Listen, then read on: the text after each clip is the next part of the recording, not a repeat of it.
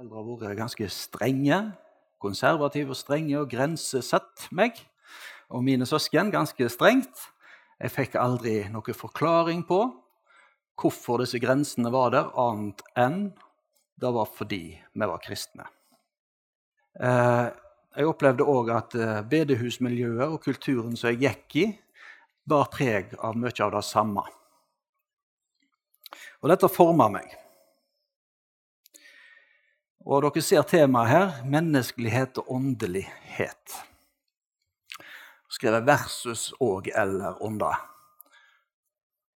Jeg tror disse temaene her, eller dette temaet her og disse to tingene har lett for å bli satt opp mot en annen som to motsetninger. Eh, og det, det, er rett og slett en lei tendens til det, for jeg tror ikke nødvendigvis at det er sånn.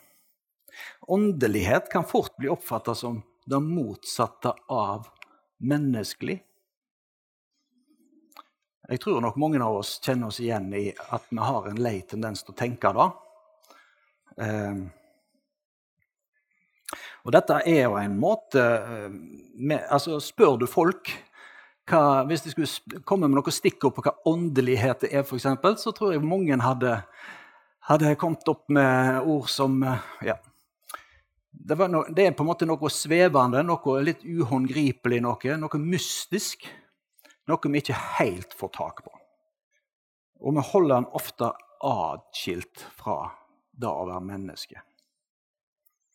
Og denne måten å oppfatte åndelighet på det er nok en, eh, det finner vi i mange religioner i verden. Vi finner det i mange livssyn, og òg inkludert i deler av den kristne tradisjonen. Så holder vi åndelighet atskilt fra det å være menneske. Oi, det var lite å skrifte. Ser dere det? Ja, jeg ser det ikke.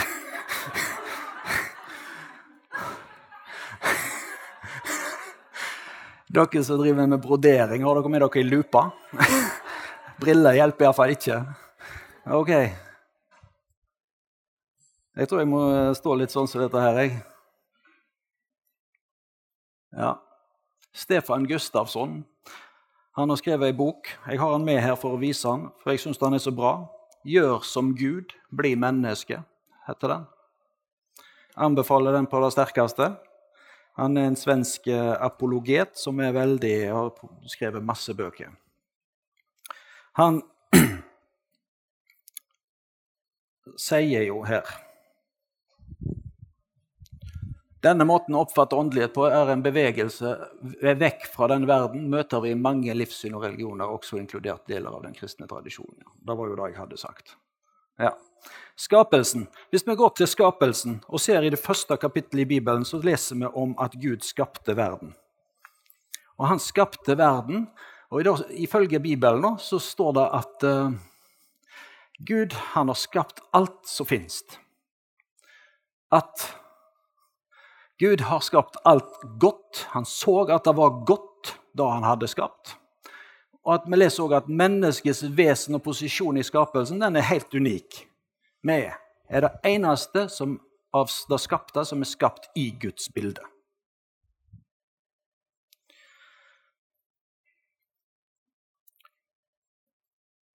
Men så skjer det et syndefall er litt sånn eh, barnelærdom her, men eh, hopp over den. Gjenoppretting. For det skjer Det kommer synd, noe vondt inn i verden, så skiller mennesket og det skapte fra Gud. Og så må Gud prøve å gjenopprette dette, og det gjør han gjennom Jesus. Og Stefan Gustafsson han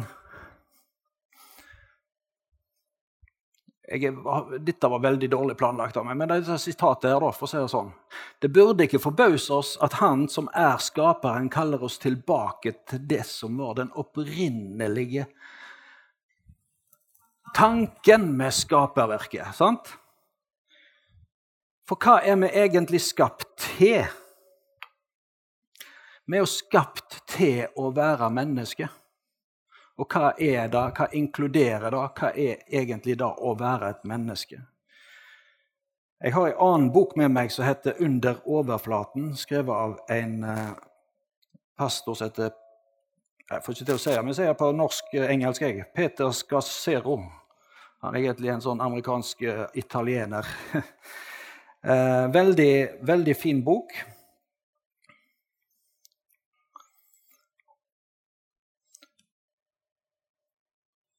Ei bok om emosjonelt sunn åndelighet, om samspillet mellom menneskelig modning og åndelig sunnhet.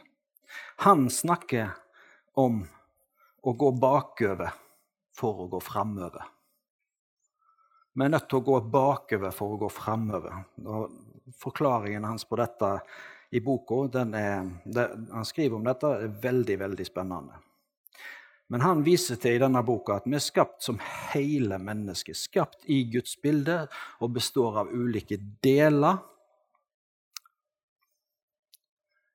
Vi har en emosjonell del. Vi har en sosial del, en intellektuell, en åndelig og en fysisk del. Og alt dette er ønska av Gud. Da er litt poenget. Alt dette er ønska av Gud, og han så at det var godt.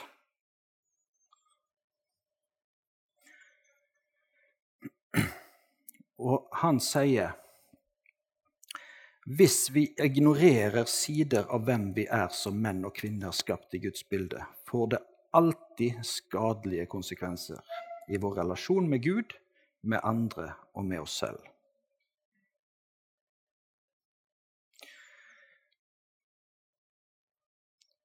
For to uker siden snakket Ingvild her om eh, nådegave, og begynte å snakke mest om eh, tungetalen. Skal følge det opp videre utover våren. Um, hun var innom eh, Korinterbrevet, og jeg tror du siterte dette verset her. Da jeg var barn, talte jeg som et barn, tenkte jeg som et barn, dømte jeg som et barn, men da jeg ble mann, la jeg av det barnslige. Det som skjer, er at i min oppvekst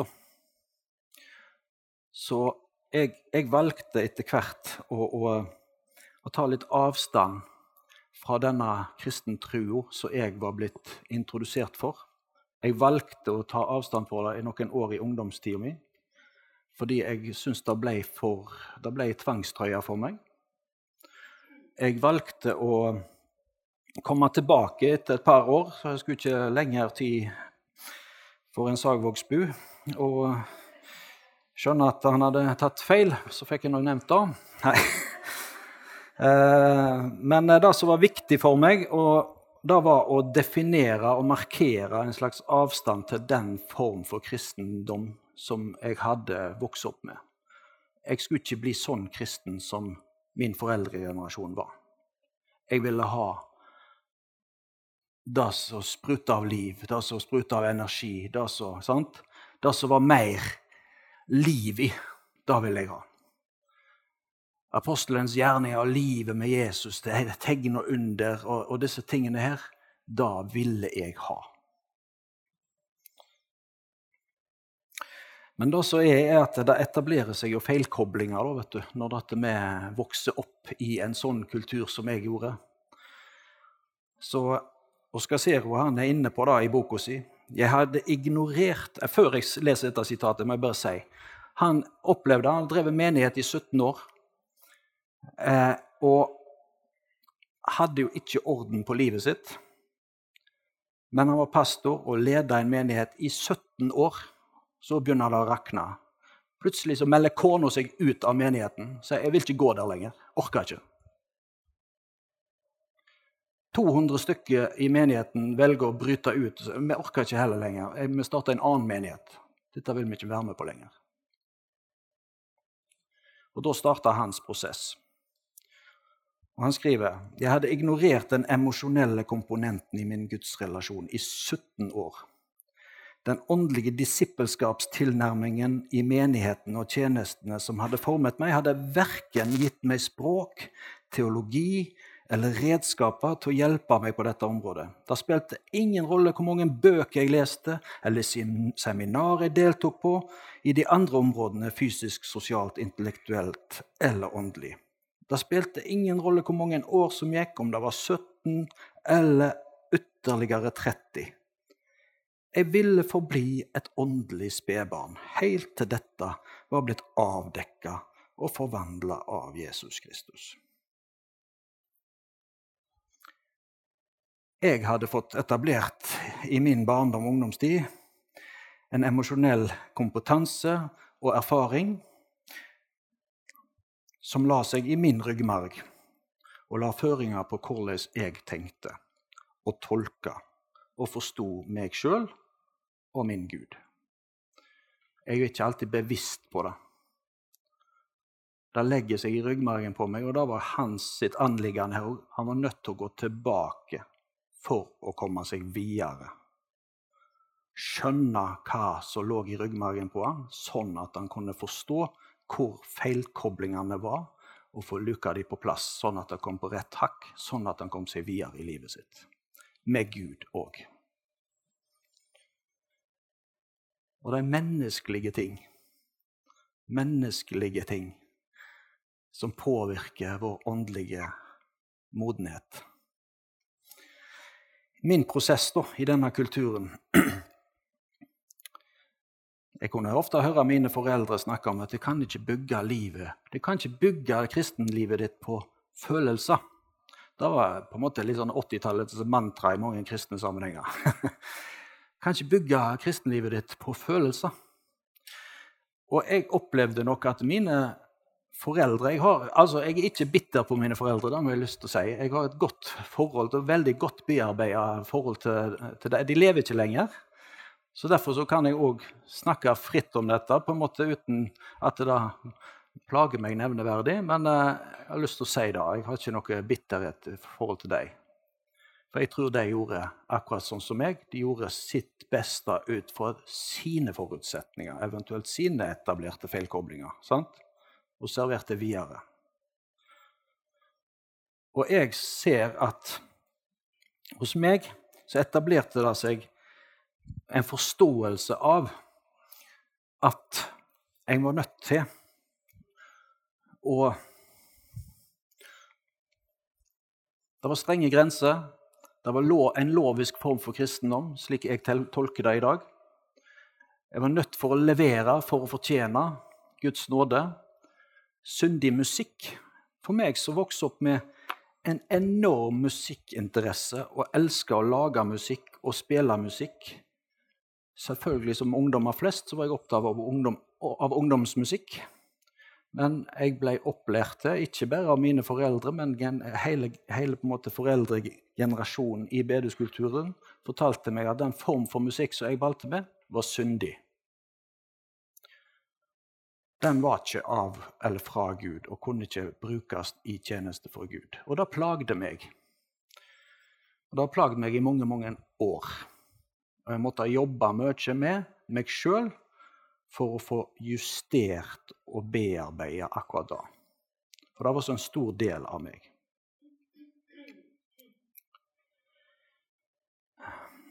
Som en konsekvens av å vokse opp i et sånt miljø som ikke ivaretok hele mennesket, danna det seg hos meg et emosjonelt tomrom. Det det utvikla seg en lengsel i meg som gradvis ble sterkere og sterkere for å prøve å dekke over det tomrommet. Og jeg kobla det jeg kjørte alt min lengsel inn på det åndelige. Der kunne jeg finne det som fulgte dette tomrommet, tenkte jeg.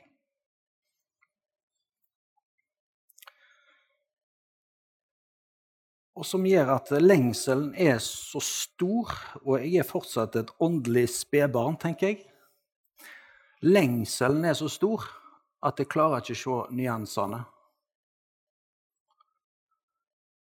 Så etter, for noen år siden så sto jeg overfor et, et viktig valg i livet mitt. Og jeg kjente at eh, jeg ville be til Gud om dette. Jeg var klar over hvor jeg ville, men jeg sto med et veivalg. Skal jeg gå der, eller skal jeg på en måte forbli her? Jeg ville der. Og jeg ville veldig gjerne at Gud skulle være med meg der. Så jeg var veldig sånn. Jeg ba om det, og jeg, eh, jeg eh, Dette opptok tankene mine kolossalt.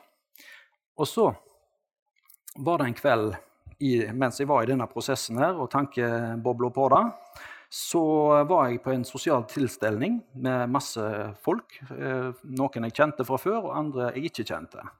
Og Der kom det en person bort til meg som aldri jeg, altså jeg ikke hadde helst på før den kvelden. Og så sier han til meg at han har fått et ord fra Gud til meg. Um, og dette ordet handler om at de tankene jeg hadde, hadde de hadde Gud behag i, og det var tanker som Gud ønska. Smukk, så tenkte jeg Ja, selvfølgelig der. For det var det jeg ønsket. Jeg tolka det dit. Og jeg var veldig happy for dette. Jeg var veldig, veldig glad og kjente at nå er det bare Nå har Gud på en måte talt. Dette er gull. det ble ikke sånn. Det gikk noen uh, gikk noen uker, og så skjønte jeg eh, Så var det helt tydelig at sånn ble det ikke. Jeg ble kjempelei meg. Da ble jeg som en unge. Jeg grein og var helt fortvila. Jeg var helt, helt nedi der. Jeg var skuffa. Jeg var så skuffa over Gud at dere aner det ikke. Jeg kan ikke, kan ikke huske sist jeg har vært så skuffa over Gud som den gangen der. Det var skikkelig, skikkelig ubehagelig. Og det rokka ved alt på en måte jeg tenkte om åndelighet. Her hadde jo jeg gått i årevis og vært kristen. Og da er jeg litt sånn som han karen her. Hadde jeg ikke kommet lenger enn dette sant? Jeg var jo ikke kommet til et fnugg av Jeg hadde ikke vært i bevegelse i det hele tatt. Jeg var en liten snørrunge åndelig sett, tenkte jeg. Etter hvert. Ikke der og da, men når jeg ser tilbake på det.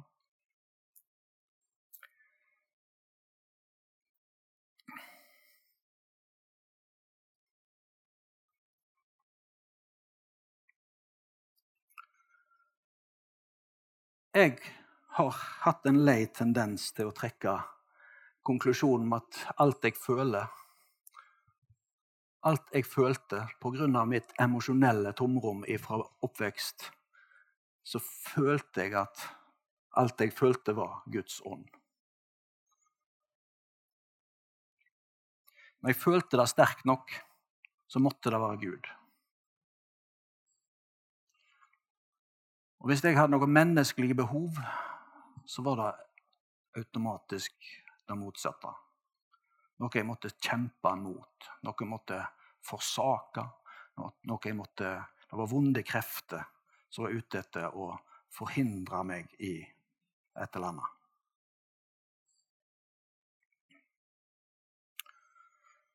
Dette Ja. Før jeg går på det temaet der,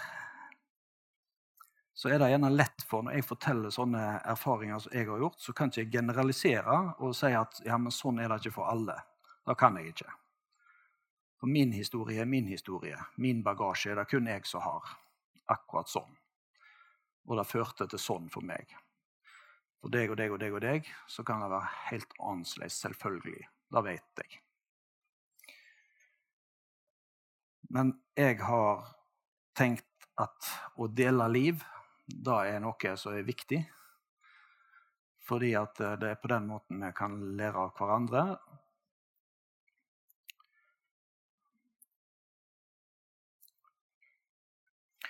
Med underernæring på anerkjennelse og bekreftelse i min oppvekst så oppsto det et tomrom, menneskelig sett. På den andre sida opplevde jeg i stor grad å vokse opp med en masse menneskebud og regler som jeg i voksen alder forsto ikke hadde noe med det å være kristen å gjøre. Men dette etablerte seg i ryggmargen på meg og skapte en ubalanse og en skeiv vekting av hva som var viktig. En følge av dette er at jeg overfokuserte på det åndelige og blanda sterkt inn mine følelser og tolke alt jeg følte, som åndelig. Dette tomrommet som hadde oppstått i oppveksten, prøvde jeg å fylle på den måten. Og jeg tenker da er Nå, tenker jeg, etter å ha lest litt og jobba med meg sjøl og vært i min prosess, så ser jeg at da jeg tenker om det, at det er åndelig umodenhet. Tenker jeg. Misforstå meg ikke. Jeg kommer litt tilbake til at eh, det ikke betyr ikke at jeg nå har lagt alt jeg sto for før, til side. Aldeles ikke. Jeg har lyst til å dele én erfaring til med dere. Jeg leste ei annen bok. Den fant jeg ikke igjen, så den skulle ikke jeg vise fram. tydeligvis, Men den heter John Eldridge, han som har skrevet den, og den heter 'Vandre med Gud'. Det var ei bok som handla om at han, han satte av et helt år av sitt liv til han skulle på en måte skrive bok, denne boka, og så skulle han prøve å invitere Gud inn i alle hverdagslige valg han gjorde. Alltid for nesten sånn Hva skal jeg ha på meg i dag? Hva skal jeg, skrive, hva skal jeg lese? Hvor skal jeg gå på tur? Det var liksom helt ned på det planet der, da. Eh, og jeg, ja, jeg leste den, denne boka, og så var det en kveld jeg var alene hjemme. Ungene ute og kona ute, og jeg kjente at å, nå var det deilig å ha huset for seg sjøl. Jeg kan slenge beina på bordet og se en film på Netflix, tenkte jeg. Åh, stikk i hjertet med en gang. For jeg burde jo Selvfølgelig burde jeg jo ha satt meg ned med gitaren og sunget lovsanger ble bedt, vært med Gud. Jeg burde ha ditt, jeg burde ha datt. Og så tenkte jeg på denne boka, og så tenkte jeg OK, jeg snakker med Gud om det, og så sier jeg til ham Du ser hvordan jeg har det. Du ser hva jeg vil. Jeg vil ikke være med deg. Jeg vil se på Netflix. så det var litt sånn. Eh, men jeg tror da å Se der, du. Hvis den støtter seg på et sånt bord, så går det ned gjennom. Eh, jeg tror at eh, i min relasjon til Gud, da, så tror jeg det svarer seg å være ærlig på det. Si hvordan jeg har det. Sånn hadde jeg det. Den andre historien var jo helt klart åndelig. Det var der jeg ville. Nå vil jeg plutselig til Netflix. Sant? Og dette her står vi jo i alle mann en eller annen gang i ulike situasjoner. Sant? Men uh, jeg ville dit den kvelden. Sier det til Gud, og så ender det likevel med at jeg sitter der med menyen framme og scroller og scroller og ser om jeg finner en film jeg skal se. Plutselig så dukker det opp dokumentarfilmen om Knutby. Ja, den skal jeg se. Og da bare da forsvant all uroen i meg, og så så jeg noen episoder der. Og Det var jo en interessant sak. For der handler det i aller høyeste grad om åndelighet. Der var det helt heiseåndelig. Det var og no, Jeg regner med mange av dere har sett. Noen, eh, hvis dere ikke har sett det, se det gjerne, for det er interessant. Um, og Mange av de folka som var involvert i det, var jo òg involvert i filmen og ønska egentlig å dele historien. Så det var i deres anliggende. De ønskte virkelig at dette måtte komme ut, sånn at vi kan lære av det.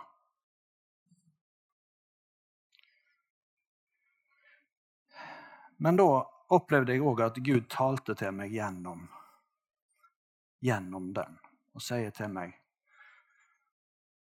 Du, Jon Inge, du må passe deg litt, du. For enkelte element av det du ser her, det kunne like godt ha vært deg.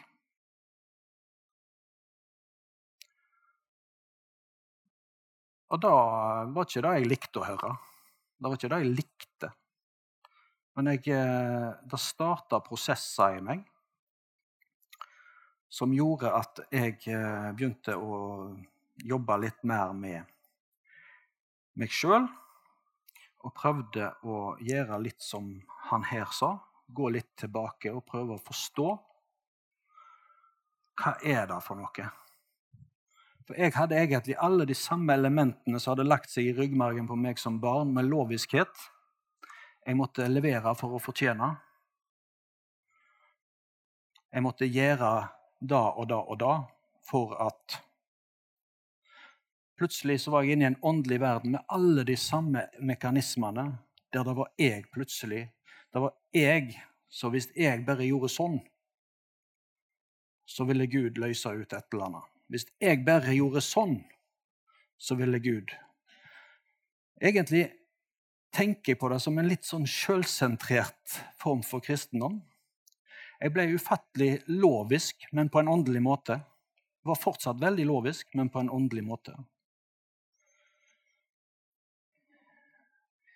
Og så tenker jeg dette rokker jo gjerne for enkelte av oss. og Når en hører jeg snakke om dette nå, så kjenner en gjerne litt på et ubehag. Det kan love deg, det gjorde jeg òg. Kjente absolutt på et ubehag. For det var ikke det jeg ville. Så leser jeg i Bibelen nå, fra Korinterbrevet, der Paulus henvender seg til korintermenigheten fordi at det har jo gått over styr der, rent åndelig sett. Han må inn og korrigere fordi det har tatt av. Ikke da, Det har ikke tatt av her på Lærvik bedehus, det er aldeles ikke det jeg sier, men i mitt liv hadde det tatt av. Jeg snakker om meg som enkeltperson nå. Om du klarer å relatere deg til det, så er det fint. Hvis du strever med det, så la det være. Det er helt greit. Jeg har bare lyst til å dele det. Og kjente at det var det jeg skulle gjøre. I korinterne så skriver også Paulus om dette med å bruke forstanden sin i møte med det åndelige. Forstanden, da tenker jeg redd, Bruke hodet sitt, bruke intellektet sitt, bruke forstanden og fornuften sin. For Han sier i, vers, i kapittel 14, vers 15 i første Korinterbrev Hvordan er det så Skal vi se ja, Nå er jeg helt ute av den der. Eh, hvordan er det så? Jeg vil be i ånden, men jeg vil også be med forstanden, sier Paulus. Jeg vil lovsynge i ånden, men jeg vil også lovsynge med forstanden. Det ene slår ikke i hjel det andre. Og For meg så var det uhyre viktig å få det på plass.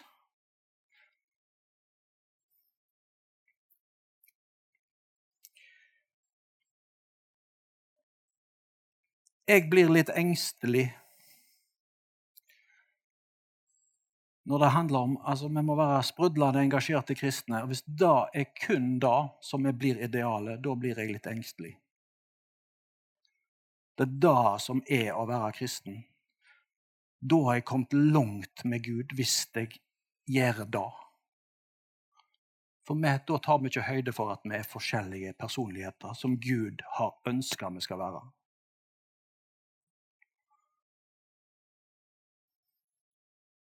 Da er det ikke rom for det. Der kun spontanitet blir oppfatta som det å bli ledet av Den hellige ånd. Jeg har ofte sagt det sånn til personer på tomannshånd som jeg har snakket med. Eh, gjerne som kommer fra litt mer sånn pinsekarismatisk bakgrunn enn jeg gjør. Jeg kommer med den kjedelige, lite sprudlende beduskulturen. eh, jeg håper dere tåler at jeg tuller litt med det. Eh, det som er, da, er at eh, der jeg stiller meg opp på en talerstol, og så, og så kan jeg Nei, i dag kjente jeg at Gud ville ikke jeg skulle tale om det jeg hadde planlagt for nå. Sant? Så da blir du leder der og da. Det blir oppfatta som åndelig. Ikke sant? Da, blir, da, da er du kommet langt åndelig hvis du kan høre Guds stemme da. Men hva da hvis du har en annen type personlighet? Så setter deg ned på kontoret og inviterer Gud og Den hellige ånd til å være med i planlegging, for da er det som passer min personlighet, kanskje. Og så inviterer jeg Den hellige ånd til å være med og planlegge godt, fordi jeg har en annen personlighet enn han første her. Det blir ikke direkte oppfatta som veldig åndelig når en står oppå her. Men det er like åndelig. Det ene er ikke mer åndelig enn det andre. Og når jeg drøfta dette med en ja, nei, da hadde han aldri tenkt på, sa han. At Gud kunne være med, at Den hellige ånd kunne lede i planlegginga. Nei, det hadde han ikke tenkt på. En voksen mann. Så da tenker jeg kanskje det var noen feilkoblinger der òg, sånn som det var feilkoblinger hos meg.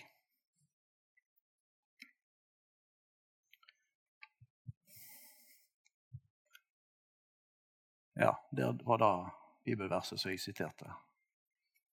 Stefan Gustafsson igjen. Vi må ta et oppgjør med tanken om at tilværelsen består av to ulike sfærer, en åndelig sfære og en sekulær, nøytral sfære. Det er en falsk inndeling. Vi kan ikke hevde at kun enkelte områder er åndelige og av interesse for Gud, hans interesse favner jo hele livet. Fordi det var det han har skapt oss til å være.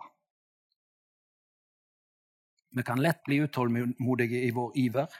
Det å være brennende i tro og bli oppfatta eh, kan fort bli oppfatta som et ideal om å slippe fri alt og slippe alt til. At det er å være åndelig moden. Men det er ikke det. Det er bare å lese Korinterbrevet, så leser vi det. Vi skal selvsagt dette er noe jeg tilbake til da, Vi skal selvsagt følge Paulus sin oppfordring om å strebe etter nådegavene. For det oppfordrer Bibelen oss til å gjøre. Det skal vi gjøre. Men vi skal samtidig følge hans oppfordring om å bruke forstanden vår når vi forvalter gavene, og tar de i bruk det er ikke noe mindre åndelig. Det er like åndelig. Vi er hele mennesket med fysiske behov, med intellektuelle behov, sosiale behov, emosjonelle behov og åndelige behov fordi vi er skapt i Guds bilde. Vi er hele mennesket, og den interessen den favner jo hele livet. At Guds interesse favner hele livet, sånn som Stefan Gustavsson sier. Jakobs brev. Han var jo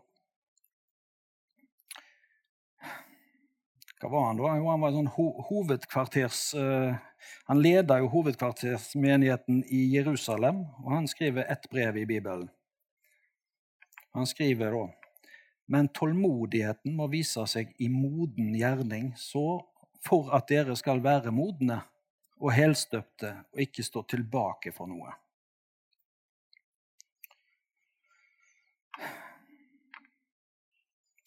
Og som eh, mann så er dette gjerne litt vanskelig å, å altså her, Det er ikke lett å si dette, men, må, men vi må faktisk ha flere tanker i hodet på en gang. vi må det. Å forvalte nådegavene med forstanden er ikke det samme som å grave ned talentet, som Jesus snakker om i lignelsen i Matteus 25. Forvalte dette med forstand og intellektuelt er like åndelig som å si at jeg føler nå at Gud har kalt meg til å si noe annet enn det jeg hadde planlagt. Men vi har lett for oss å sette merkelapper på ting og så si at da er det ene, og da er det andre, og da er det tredje. Paulus snakker om kjærligheten til menigheten i Korint. Kjærligheten den er så stor den, at han danker jo ut altså Han snakker om at nådegavene og, og, og profetisk gave og, og tungetall og alt dette her, da, da, da har en ende, da. Men kjærligheten, den, den står. Og Jeg må nok innrømme at jeg hadde større kjærlighet til det åndelige enn jeg hadde til Gud og mennesket. Jeg dyrka det åndelige, for det var der jeg trodde Gud. Jeg trodde det skulle fylle dette tomrommet. Men Det var ikke Gud jeg søkte, men jeg søkte effekten av Gud. Jeg søkte tegna under, nådegaven i funksjon, alle disse tingene. Men det var nærmest så at jeg, det var jeg så, så Hvis ikke jeg gjorde ditt og gjorde datt, så ville ikke dette bli utløst. Jeg, jeg skal ikke stå til ansvar for at Guds rike ikke har fremgang på Stord. Jeg skal ikke ansvar, ansvarliggjøres for det. Gud har kontroll på det. Vi skal kunne gjøre og, og følge Han, men, men vi må òg forvalte dette på en sånn måte at vi klarer å få, få ting i rett hakk, sånn at utgangspunktet blir feil. Rett, mener jeg, ikke feil. Jeg er fortsatt for Savo igjen. Um, det var viktigere for meg å si, å komme på bedehuset her eller på bibelgruppe og si til mine kristne venner at i dag har jeg fått anledning til å be for, eh, be for min ikke-kristne kollega. eller sant? Det var viktig å få si det for å få skryt og anerkjennelse, for det fulgte tomrommet mitt. Å komme og si det var viktigere for meg enn det var for meg å ta en telefon til min ikke-kristne kollega og venn og si skal vi ta en kopp kaffe og en prat? Og jobbe med en relasjon, menneskelig sett, som gir grunnlag for For når nære venner de snakker sammen om livet. Der blir det rom for samtaler hvis vi kommer tett på hverandre. Men jeg får anledning en sånn liten strø greie her med at jeg ber for vedkommende. Nå må jeg skynde meg tilbake til Bibelen. Vet du hva jeg fikk anledning til i dag? Ja, jeg fikk, sant? Og så er jeg der, og så får jeg masse skryt for det, og så kjennes det godt. Men er det noe mer åndelig enn å investere i det mennesket med å sette seg ned og drikke kaffe og være medmenneske? Det er ikke mer åndelig det første som det andre. Begge deler er åndelig. Så jeg tror dette er viktig å snakke om for at vi skal ikke bli oppfatta Vi skal bli oppfatta som gode medmennesker. Se på de kristne. altså De kristne i tidlig den urkirken, holdt jeg på å si, de, de var godt likt av folket. Jeg vet ikke om jeg alltid kan si at vi kristne er så himla godt likt av folket i dag. Jeg vet ikke hva det skyldes, men jeg har en anelse. Jeg tror iallfall for mitt vedkommende så vet jeg det.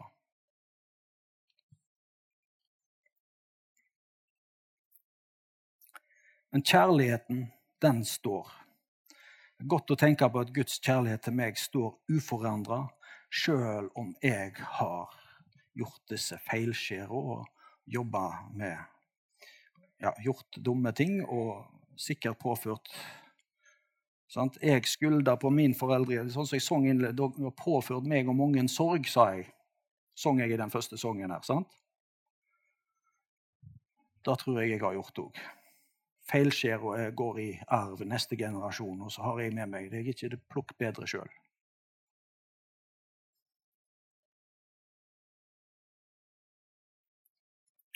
For to uker siden så sang jeg og eh, Malene en sang her.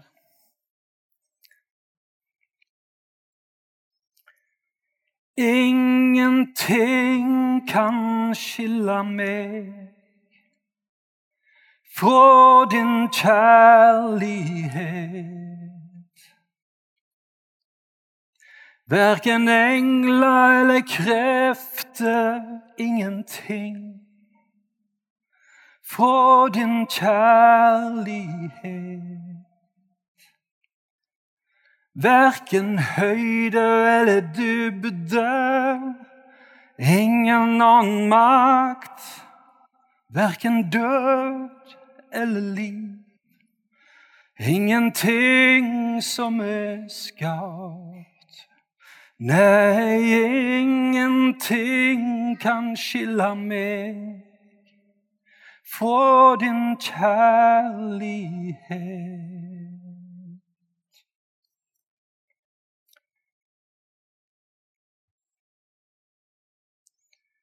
Må Han selv, fredens Gud, hellige dere helt igjennom.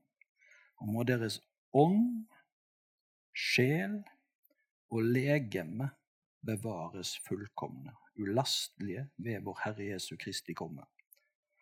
Han er trofast, som kaller dere. Han skal gjøre det.